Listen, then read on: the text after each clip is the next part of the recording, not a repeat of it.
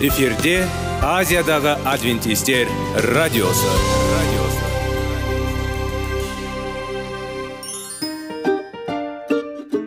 Сәлем достар. Денсаулық өмір бұлағы және біздің бірінші байлығымыз демекші денсаулық сағаты рубрикасына қош келдіңіздер. Біздің рубрикада біз әртүрлі факторларменен мәліметтерменен кеңестерменен бөлісіп шын жүректен сіздердің дендеріңіз сау болғанын қалаймыз. Сол үшін біздің рубрикаға қош келдіңіздер. Дайындалып тұрыңыздар. Өйткені келесі минуттарда қызықты фактілерге ие боласыздар. Енді достар ең бірінші байлығымызды қолымызға алып алға кеттік.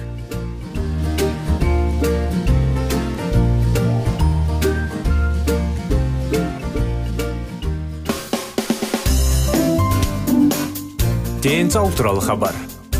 Денсаулықтың ашылуы. Күн сайын сөз үшін күшті кеңестер соңғы жаңалықтар қызықты факторлар. Біздің рубрикада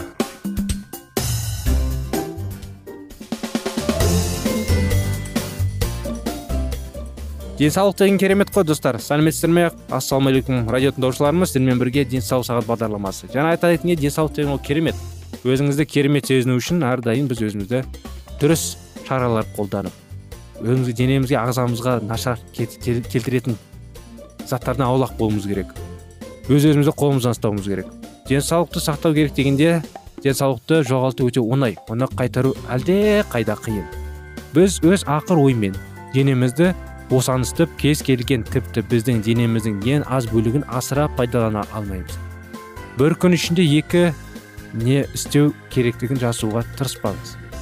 Аурудың себебі бірде бір ауру себепсіз болмайды. Аурудың пайда болу үшін топырақ денсаулық заңдары бұзылғанда дайындалады. Көптеген ата аналар жасаған қателіктер салдарынан зардап шегеді. Балалар ата аналардың іс әрекетіне жауап бермесе де олардың денсаулық заңның бұзу болып табылатындығын не жоқ екенін ажырату міндетті алынбайды. Олар өз ата аналарын зиянды әдеттердің аулақ болу керек және дұрыс өмір салтын ұстану өз өміріне жақсы жағдай жасау керек. Тәбет егер диетаны қадағалаудың және тәбетіңізді бақылаудың орнына біз денсаулыққа зиян келтірмей өз қалауымызды тартамыз әрине бұл үшін жазылатын боламыз.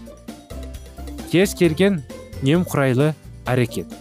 Жаратушыға тиесілі ағзаны кез келген теріс пайдалану.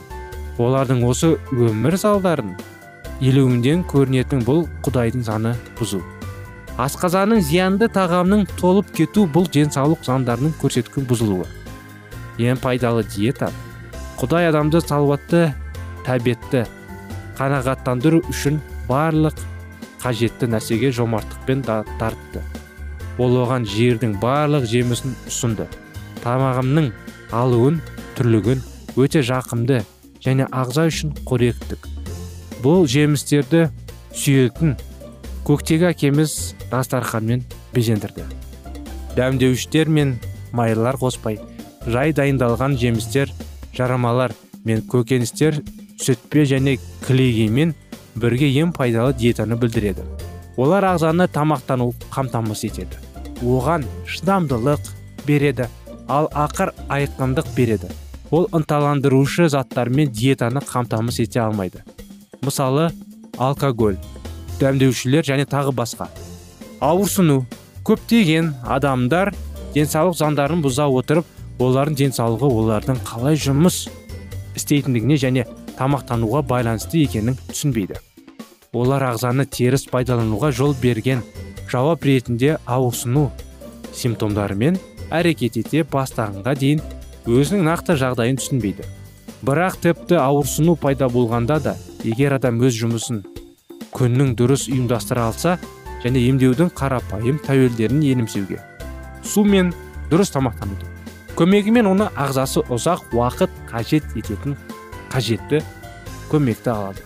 Егер науқас алдағы уақытта да осы ережелерді ұстанатын болса онда оның денсаулығы жақсарады және ол ағзаның толық сарқылуын болдырмайды. Заң және біздің ақыл. Көптеген аурулар біздің миымыздан басталады. Жүйке жүйесінің бұзылуы бүкіл денеге әсер етеді. Адамзат зардап шегетін аурулардың тоқсан пайызы жүйке жүйесінің бұзылуымен байланысты. Мәсіхтің ілімі ең жақсы дәрі дәрмек қызмет етеді.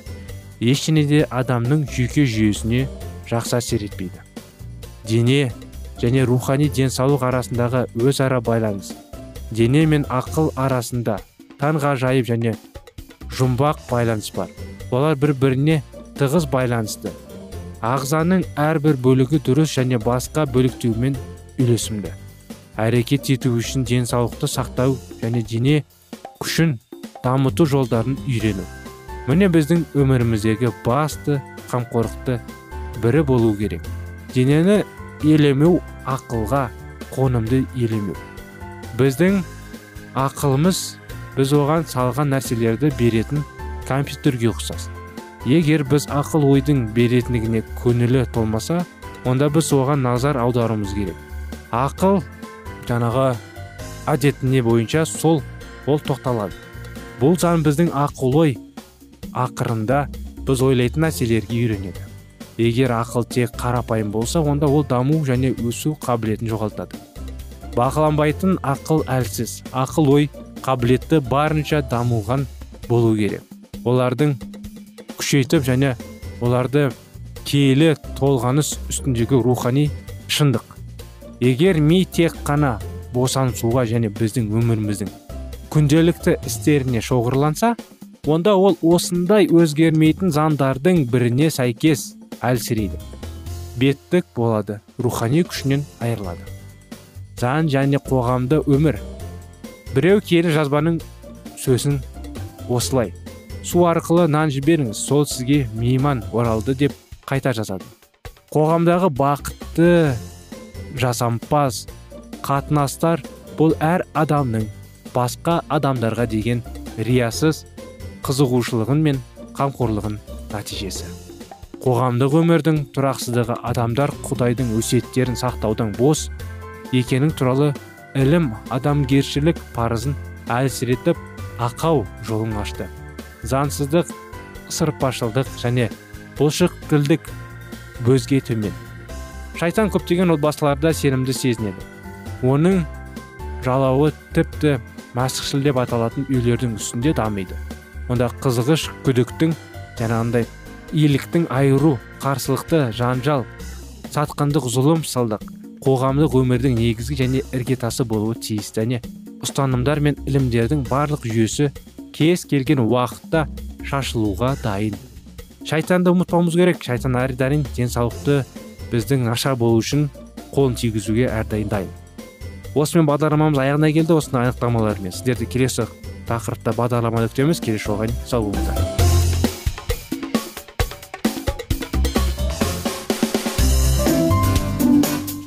Денсаулық туралы хабар. Денсаулықтың ашылуы. Күн сайын сөз үшін күшті кеңестер соңғы жаңалықтар қызықты факторлар біздің рубрикада.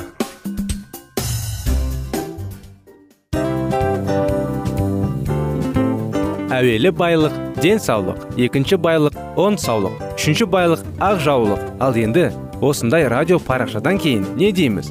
Барлықтарыңызға денсаулықтарыңыз зор болсын деп тілейміз. Денсаулықтың өзгеруі кішкентай нәрселерден басталады. Осымен біз берген кеңестер мен мәліметтер шын жүректен сіздер үшін қандай да бір болсын жәрдем берді деп үміттенеміз. Тыңдаушыларымызбен келесі радио парақшасына дейін қоштассамыз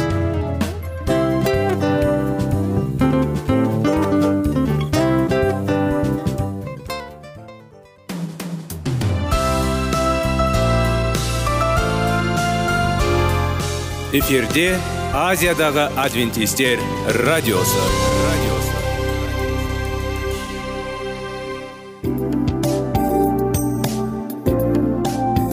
Сәлем достар. Барлықтарыңызға шын жүректен сөйлесек рубрикасына қош келдіңіздер деп айтпақшымыз.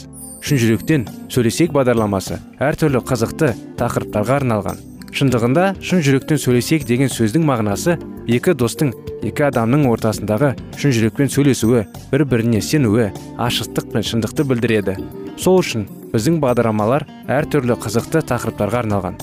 Дайындалыңыз жаңа қызықты мәліметтерге ие болуға. Ондай болса кеттік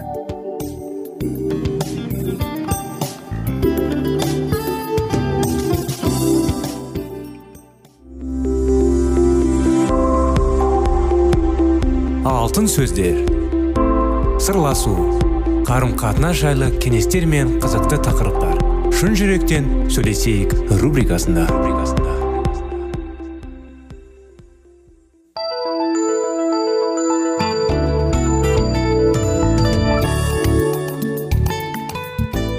Армысыздар сәлеметсіздер ме құрметті достар құрметті радио тыңдаушыларымыз. Сіздерменен бірге шын жүректен сөйлесейік бағдарламасы. Біздің бағдарламада сіздермен бірге махаббат бір бірін түсіну сүйіспеншілік жаңағындай ата аналар мен баланың арасындағы қарым қатынас достардың арасындағы қарым қатынас осының бәрі анықтамаларды қалай үйлену үйленгеннен кейін қалай бір бірін қарым қатынастарды дұрыс жағдайда сақтау үшін қалыптайды әрине. Соның бәрін дұрыс түсіну үшін бүгінгі күн сіздермен 25 керемет неке жайлы тақырыпты бастаған едік. Жалғастыра кетсек естеріңізде болса джонды естеріңізде ғой? Джон мен пол өткен жолы кездескен еді. Соның араларында біраз нәрсе өзгеріп түсінбеушілік. Бұны жалғастыра кетсек өзінің көңілді және жандануына қарамастан полли өте ақылды болды. Және джон шынымен ойлайтынын түсіну өте қиын болды оған. Ол рухтың жақсы орналасуы болды бірақ бұл оның қатысуымен болды ма? Ол жай ғана. Оның көңіл күйін қалай түсінетінін білмеді. Мен оның орнына жету үшін өте ыңғайсыз болдым деп жазды ол. Оның аздаған сапарының мерзімі аяқталғанда. Ол оны жазуды жалғастыра оған қарсы болмайтынын сұрады. Ол келісім берді бірақ ештеңе жоқ болды бірнеше күннен кейін ол аған әсерлі хат жазды. Ол флотта және африкада жиі жазғанын еске түсірді. Ал ол ешқашан оған жауап бермеді. Ол қандай да бір сынақтар жіберуді сұрады. Ол оған мен аштықтан өлгенше құдай үшін кем дегенде сәл мейірімділікке кем дегенде сәл сәлдел жалбарынды. Қалтаңызды үңгір.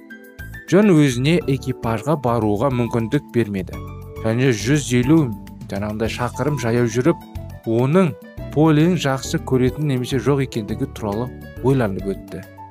Ол жұмыс сауда кемесінде. Капитанның бірінші көмекшісі бұл ұсынысын қабылдады. Өйткені ол басқа жұмысқа жарамсыз деп ойлады. Және егер ол полиден ұшып кеткенге дейін ешқандай хабар болмаса оны ұмытып кететін тырысады деп шешті. Бірақ жаңалық одан келді. Оның жауабы өте абай болса да мен үшін жеткілікті болды. Жалпы айтқанда поли онда ол мүлдем келмейді. Бұл жауап жеткілікті болды джонға. Бұл сынақтар болды. Бірақ көп джон жаңағындай қайта қайта оқыған хатты бұл қысқа ұстамды жазба соғұрлым көп осы айналды айналғаның жаңағы бұзғандай болып оған тұтасынан. Бірнеше аптадан кейін оның кемесі ливерпульден шыққан кезде джон өмірдің жақсарғанын сезінді. Ол бәріне риза болды. Ол құдайға жақын болды. Кеме капитанның бірінші көмекшісі болды. Ол келесі жүзуге өз кемесінің капитаны болады деп уәде берді. Жиырма жылдан кейін жас жігіт тағы не армандай алады. Ол құлдық саяхатты құбылысқа немқұрайлықты сезінбеді және болашақ бақытты болады көрінді. Алайда ол бірнеше апта бойы осындай тыныштықты рақымды күйде болды. Кеме африканың батыс жағалауына келген кезде ол оның айтуынша бұрынғыдай дерлік дұрыс емес болғандай болды. Джон киелі кітап оқуды тоқтатты. Дұға аз көңіл бөлді және іс жүзінде мәсіхшілермен сөйлескен жоқ. Жау мен үшін бірақтар азғырулар дайындағада мен оның олжасына оңай болдым. Бір ай бойы ол менің ар ұждамды өлтірді. Мен бірнеше ай бұрын ойлай алмаған істерге тартылып ойлай алмадым. Кеме жаңағы астында трюм дейді ғой енді орысша айтқанда. Жалаңаш қыздарды құлшылық алып келген екен. Офицерлер үшін оларға қол жеткізу ашылды. Бір кездері джон азғырумен күрескен бірақ содан кейін қайтадан тізбектерді болды. Оған қарсы тұруға ешқандай күш жоқ еді да және ол астына түскен кезде қыздардың бірін зорлады. Кемеден тіс әрдайым қара қызда ләззат үшін болды. Оның өмір салты тез өзгерді. Егер мен күресуге тырыссам нәтиже жоқ және оны қайтадан ауру. Ол сьерра леонденде өзінің бұрынғы ауруы және сол кезде күйіп қалған ақаулар туралы еске алды. Өткенде қайталмады ма? Алдымен ол құдайдың кешірім сұрады. Үміт есігі жабылды. Содан кейін ол сол кезде қорқынышты елсіздікті бастан кешкен сандырықта ол көп ойламады. Еге сендірді және оған өзінің қалағанның бәрін орындау үшін өзін ұсынды. Және кешірім келді. Оралып және әлем мен оның рухын жиі ренжітіп ақыл есінен айтып өкінішке орай мен дана боламын ба? Оның рақымы мен сатқыншылықмен жексұрын. Бұл джон ньютон өміріндегі тағы бір бұрылыс сәтті болды. Африкадан келіп чарльстон оңтүстік каролина ноллинс жанағы нарылғында құлдар алып джон англияға полиге оралды. Бір жылдан астам болмаған соң ол жақсы көмекші болды. Сондықтан кеме иесі джонға теңізге шығуға дайын болған соң капитан лаузымен алу туралы ұсынысын растады. Джон құл саудасымен бірге жүретін қатыгездікті сезіне бастады да бұл әлі де зұлымдық оның шын мәнінде екенін көрген жоқ. Ол полмен бірге үйленіп пол үшін әдеттегі өмір салтын ұстай алатын табысқа кепілдік беретін жұмысты ғана көрді. Енді ол 24 бөте болды. Оның соңғы саяхатының екінші жартысында ол үнемі оған жазды. Алыста бір бірінен алыста болғанда оның махаббаты одан да күшті болды. Поллок бұл туралы былай деп жазды. Полиде ол кінәсіздік пен жұмсақтық көрді. Бұл саудагер ретінде оған қатыгездік пен өтірікке толы әлемде ол таза болды. Полимен кездесу кезінде ол ақырында үлкен қиындықпен бірақ оған ұсыны жасай алды. Ол мұны өз хаттарында мінездей бірақ ол әлі жауап беретін білмеді. Мінекей осымен бағдарламамыз аяғына дереу жетіп қалды. Жалғасын келесі жолы жалғастырамыз. Әрдайым сіздермен бірге құрметті достар келесі жолға дейін сау болыңыздар.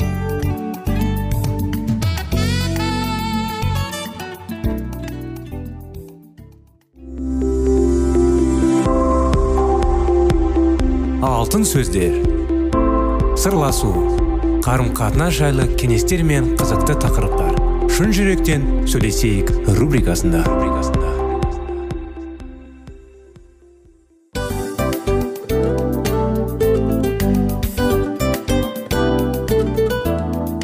Құрметті достар барлық ең соңғы кеңестер аяқталған соң біздің программамыз соңына келіп қалды. Осы біздің мәліметтер осы рубрикада айтылған әрбір сөздер сіздерге өзінің қандай да бір пайдасын алып келді деп шын жүректен сенеміз. Және бұдан да көптеген рубрикаларымыз бар.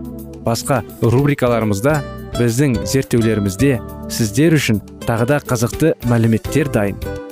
Біздің шын жүректен сөйлесейік парақшамызда көптеген әдістер ең соңғы кеңестер адамның нравственность жақтан моральдық жақтан тазалап байыта тұрған соңғы кеңестердің барлығын жанарады.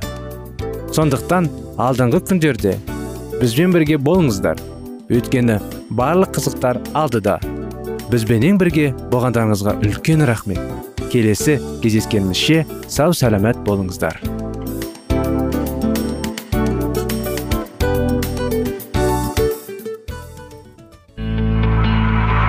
Жан дүниеңді байытқан жүрегіңді жаңғыртқан өмірдің мағынасын ойландырған рухани жаңғыру рубрикасы.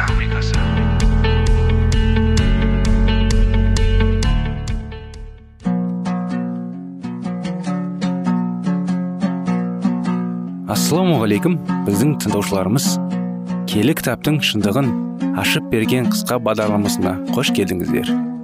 Барлығынан жоғары жаратушы біздің қарыңғылықта жалғыз қалдырып қойған емес.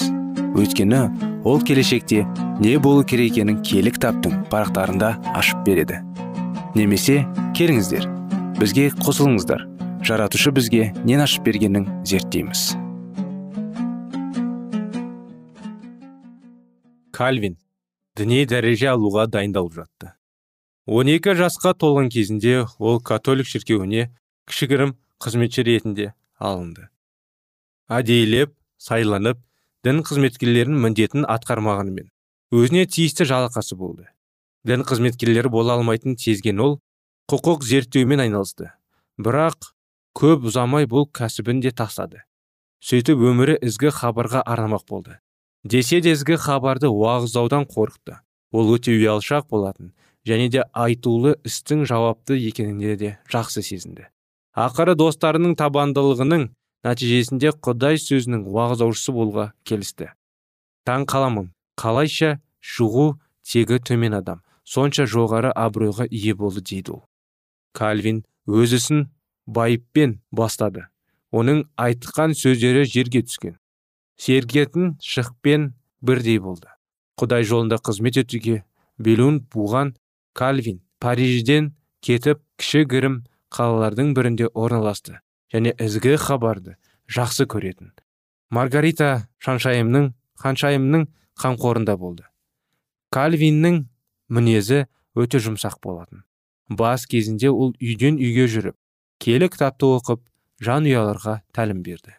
Кейін ол қала маңындағы ауылдарға да жағатын болды. Осылайша кальвин зәулім сарайларда ұсқансыз лашықтарда адамдарға рухани нәр таратып халық ағырту ісімен айналысты. Жүрген жерлерінің бірінде ол құдайға қызмет ететін жаңа шеркеулердің қызығын қағып отырды. Бірнеше ай өткеннен кейін кальвин парижге қайтып оралды. Бұл ежелгі тілдерді зерттеумен айналысып жатқан ғаламдардың келі кітапқа келіп тіреліп онда жазылған құдай сөзімен танысып папалықтармен пікір талас құрып жатқан кездері болатын. Халықтың көкірегі ашылып жатқан сәт ізгі хабарды уағыздауға ыңғайлы уақыт болды.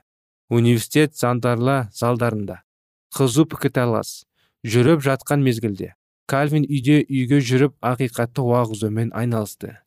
Өйткені жаратқанның жоспары бойынша парижде тағы да ізгі хабар жариялануға тиісті еді. Лефевр парельдің шығарудың қабылдаған адамдарға құдай тағы да бір мүмкіндік берді айтылу кезен саясат бойынша король әлі де болса реформацияға қарсы шықпаған мезгілі болады маргарита ханшайымы болса протестанттар жеңіске жетеді деп үміттенді. Реформацияға жәрдем беремін деген ниетпен ол корольдің жағы пайдаланып құдай үйлерінде киелі кітапты уағыздауға рұқсат берді. Папаның сановниктері оған тыйым салған кезде ханшайым халықты өз сарайына жинауға мүмкіндік туғызды. Күн сайын адамдар сол жерге топ тобымен жиналатын болды. Олардың іштерінде мемлекет қызметкерлері заңгерлер саудагерлер шеберлер ұсталар бар болатын. Король болса бұған тыйым салынатын. Орнынан керісінше оларға тағы да екі жерден шіркеу ашып берді. Еш уақытта халық құдай сөзіне мұндай құштарлық танытып көрген емес еді.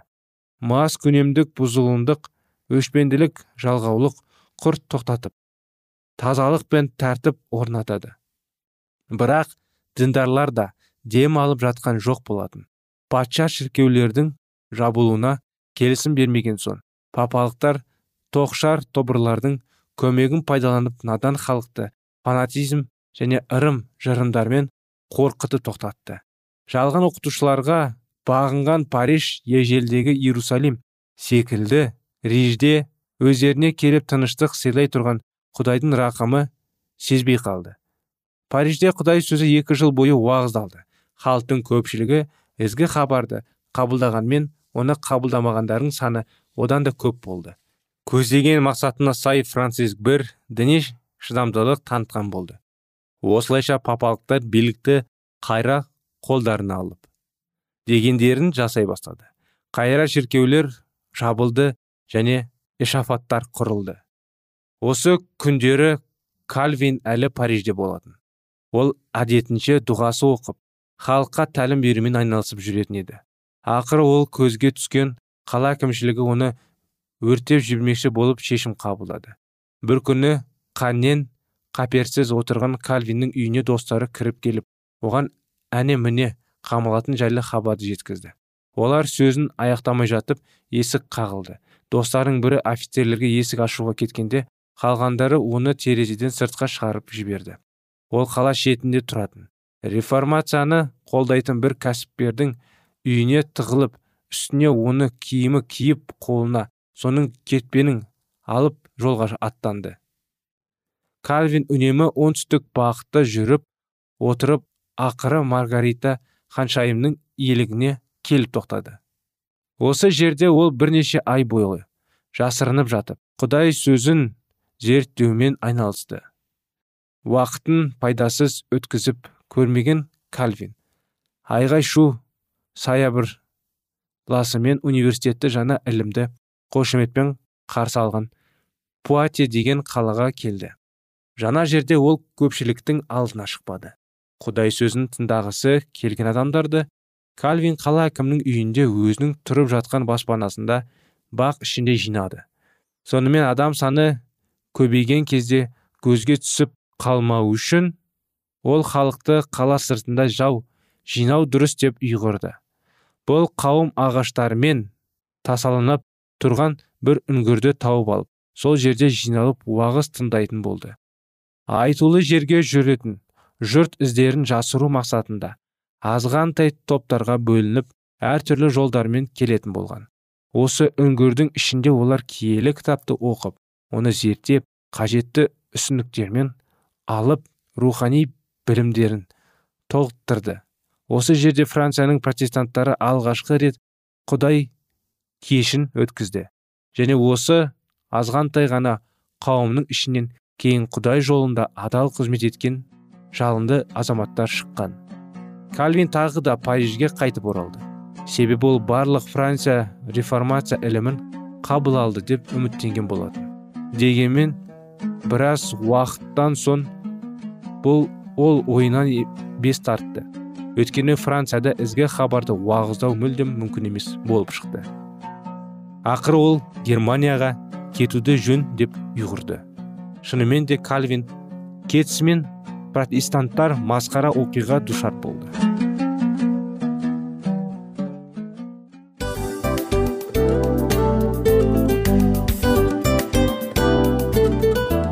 Достар біздің радио парақшамыз өзінің соңына келіп те қалды.